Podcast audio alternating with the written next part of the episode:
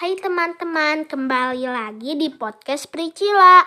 Hari ini saya akan menceritakan tentang pahlawan nasional, yaitu Soekarno.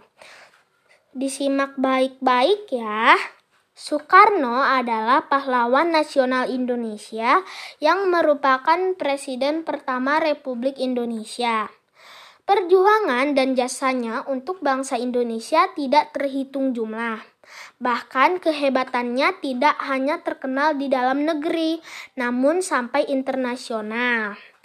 Sosok Soekarno memiliki tempat tersendiri bagi masyarakat Indonesia dan memberikan banyak teladan bagi bangsa.